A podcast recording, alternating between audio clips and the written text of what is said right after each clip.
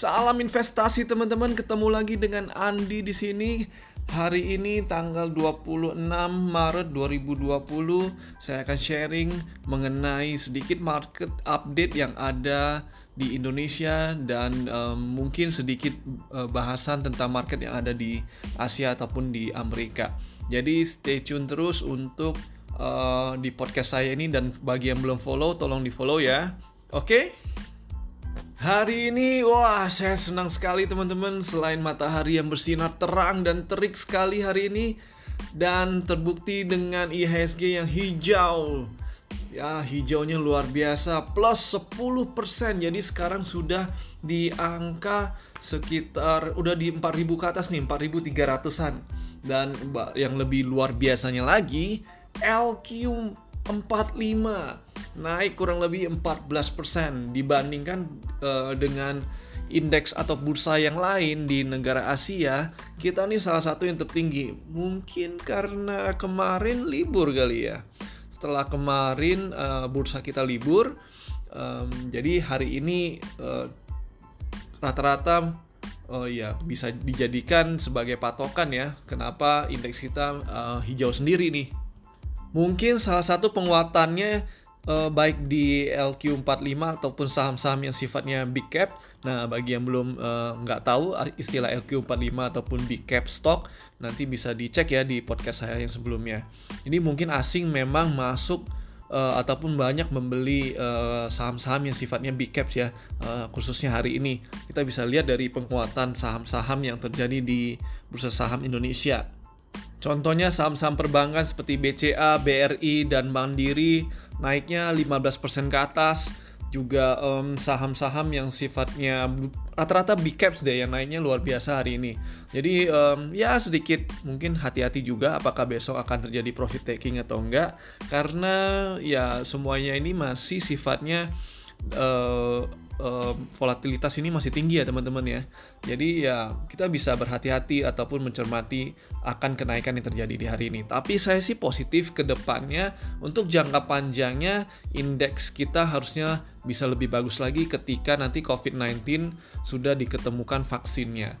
Kita juga bisa uh, dengar juga kemarin uh, ada beberapa negara tetap melakukan lockdown dan itu akan impact banget ke ke pertumbuhan ekonomi global pada uh, pada umumnya dan di Amerika sendiri juga um, kemarin ada bailout ataupun kemungkinan anggaran uh, sudah disetujui oleh partai uh, oposisi yaitu Partai Demokrat terkait dengan kebijakan um, kebijakan yang diambil untuk membantulah memberikan bantuan tunai ya kepada uh, masyarakat yang ada di Amerika Serikat.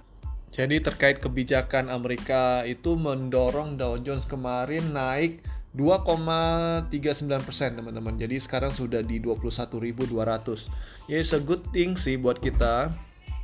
Kalau menurut saya um, ke depannya ini mungkin setelah nanti ya kita masih menunggu ya kapan vaksin uh, eh, COVID-19 ini bisa di, disetujui dan bisa uh, ber apa diproduksi dan didistribusi ya ke para penderita COVID-19 ini.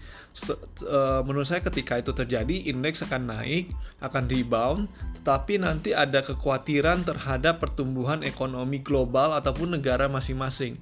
Nah ini uh, mungkin PR-nya ke depan ataupun salah satu uh, volatility yang bisa kita pantau ke depannya terkait dengan sl uh, global slowing growth-nya atau bisa bisa jadi recession uh, menjadi salah satu momok setelah COVID-19 ini. COVID-19 ini kan penyebabnya kan, sebabnya.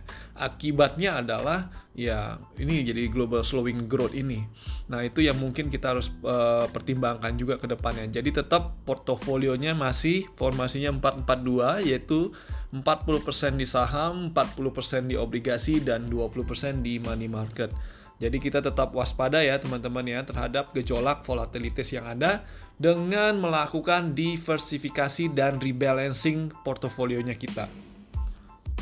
Kita lihat juga rupiah sekarang di posisinya 16.200-an, jadi kurang lebih menguat dibandingkan posisi yang di uh, awal minggu kemarin ya sempat di angka 16.500 16.600. Jadi teman-teman kalau masih ingat ketika dana asing uh, masuk ke Indonesia ten, uh, bisa kelihatan juga dari uh, mata uang yang menguat dan harga-harga capital market baik itu saham ataupun obligasi yang menguat.